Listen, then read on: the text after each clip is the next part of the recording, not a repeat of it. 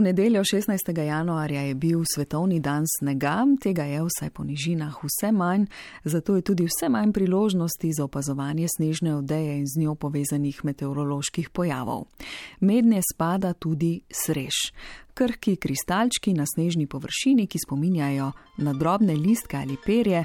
O nastanku in značilnostih tega pojava se v tokratnem torkovem kvizu pogovarjamo z meteorologom Blažem Šterom z Agencije Republike Slovenije za okolje, članom ekipe za sneg in plazove.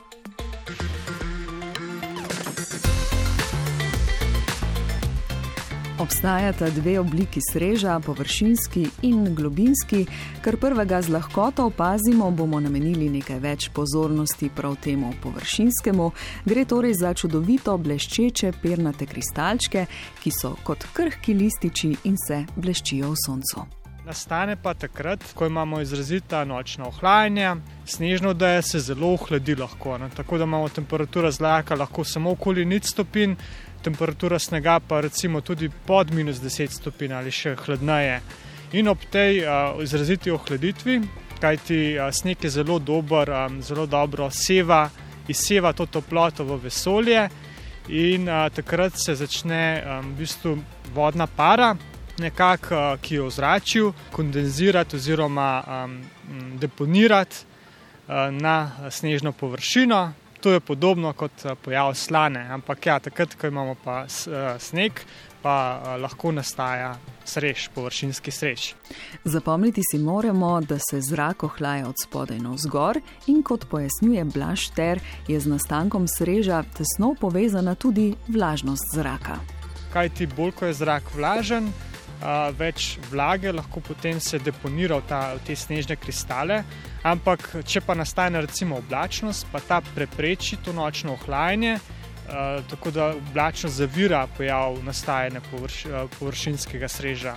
Tako da moramo imeti v bistvu jasne noči, razmeroma hladne, ampak zrak ne sme biti preveč suh. Uh, mora biti vsaj nekaj vlage v njem, da potem rastejo te snežni kristali na površini snežne odeje. Višja kot je temperatura zraka, več vlage lahko sprejme in lahko si predstavljamo, da potem, ko se zrak ohlaja, ni več prostora za vso to vlago. Zato se odloži v kristale, ki so glavna zvezda današnjega kviza.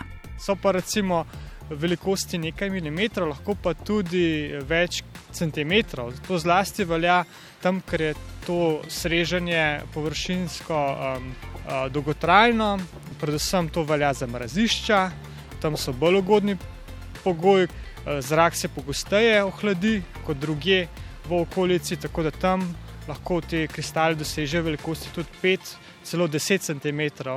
Zlasti pa velja to um, tam, ker je tudi vir vlage, recimo ob kakšnih potokih ali pa ob uh, kakšnih kraških luknjah, ker uh, v bistvu uh, imamo tudi topov vir uh, in zaradi tega pa vir vlage in zaradi tega teh kristalov res tam veliko.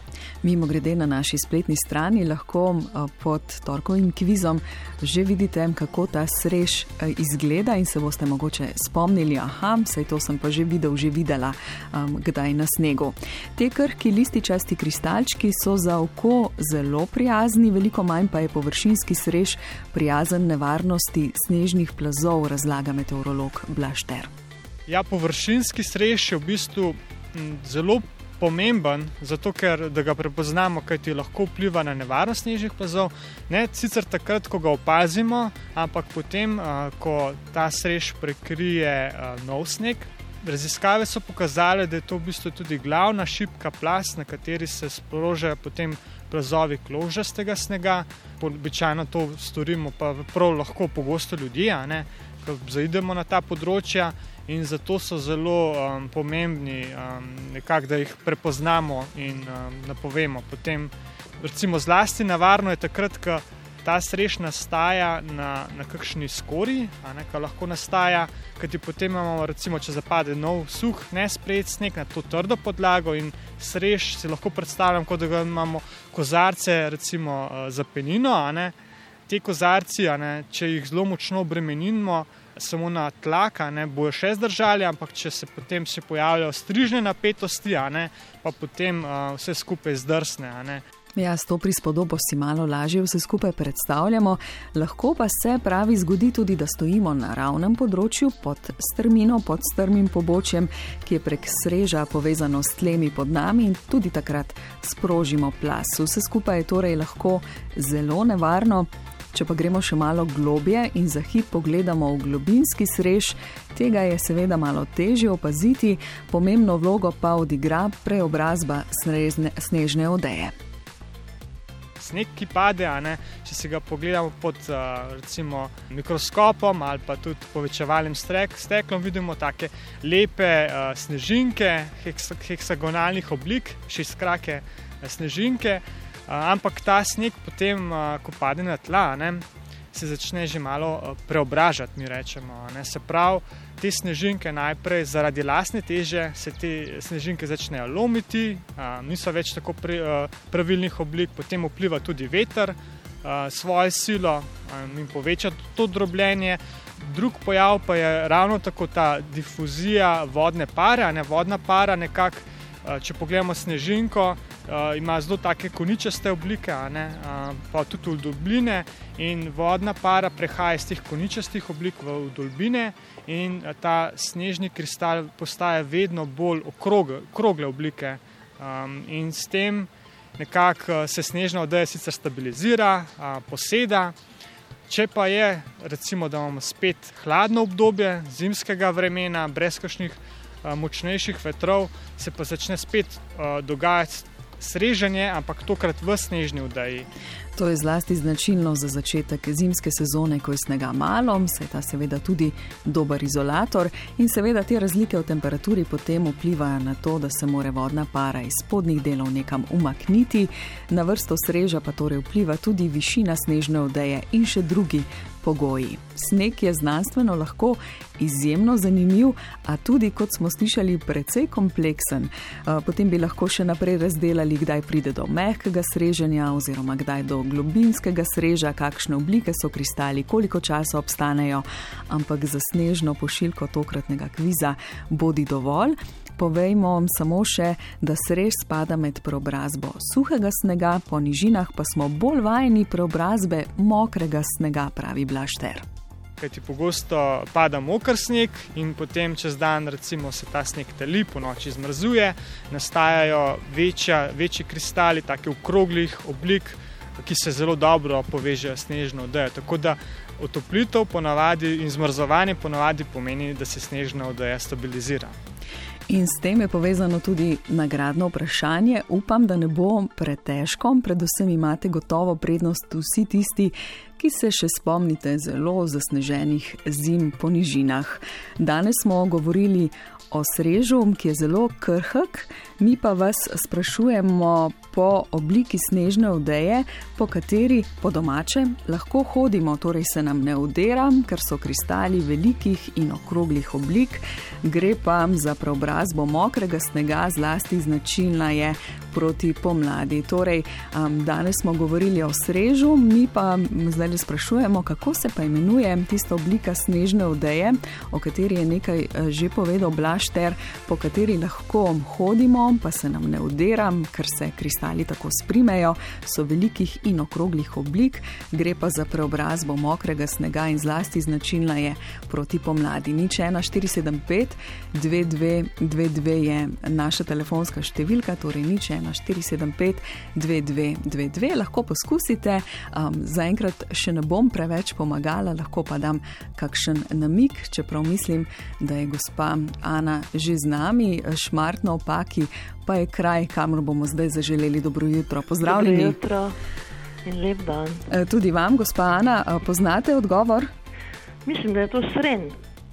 Vprašava kar Blaža Štera sreš, sren zelo podoben se sliši, ampak ja, tiskaj hodimo recimo po snegu, pa se nam ne odira, to je v bistvu sren. Ja. Pogoste, predvsem spomladi, ko so dnevi že prijetno topli, noči še vedno hladne, tako da je takrat nastajajo taki kristali okroglih oblik, so večji.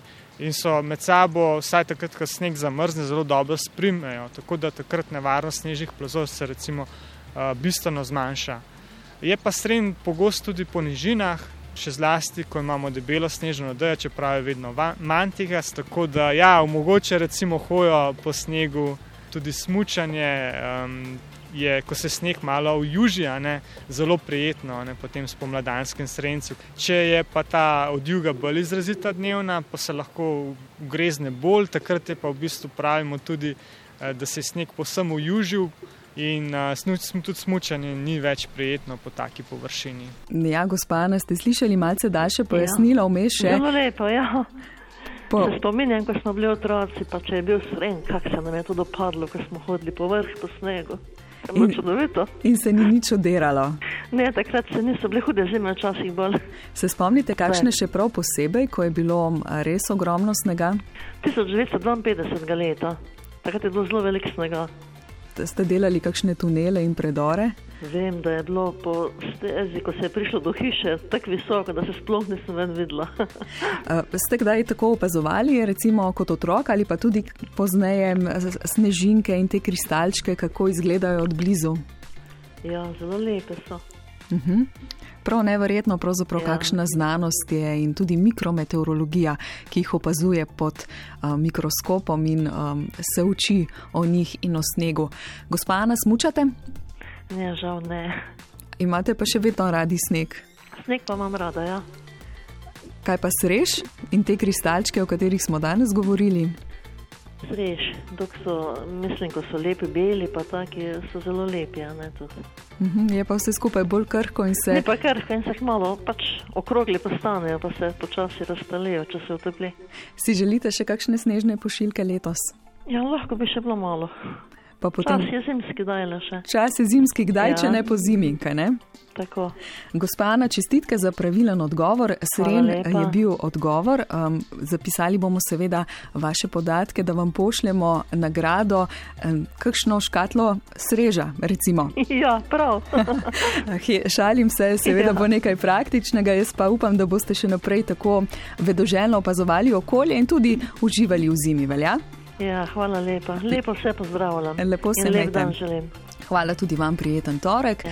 Pet minut je zdaj do druge jutranje kronike, to je vse v današnjem torkovem kvizu in seveda tudi vam lahko zaželimo čim več zanimivega opazovanja snega, pa seveda previdno na poti. Vse bo kmalo ujela tudi spletna stran prvega, na kateri je tudi fotografija sreža.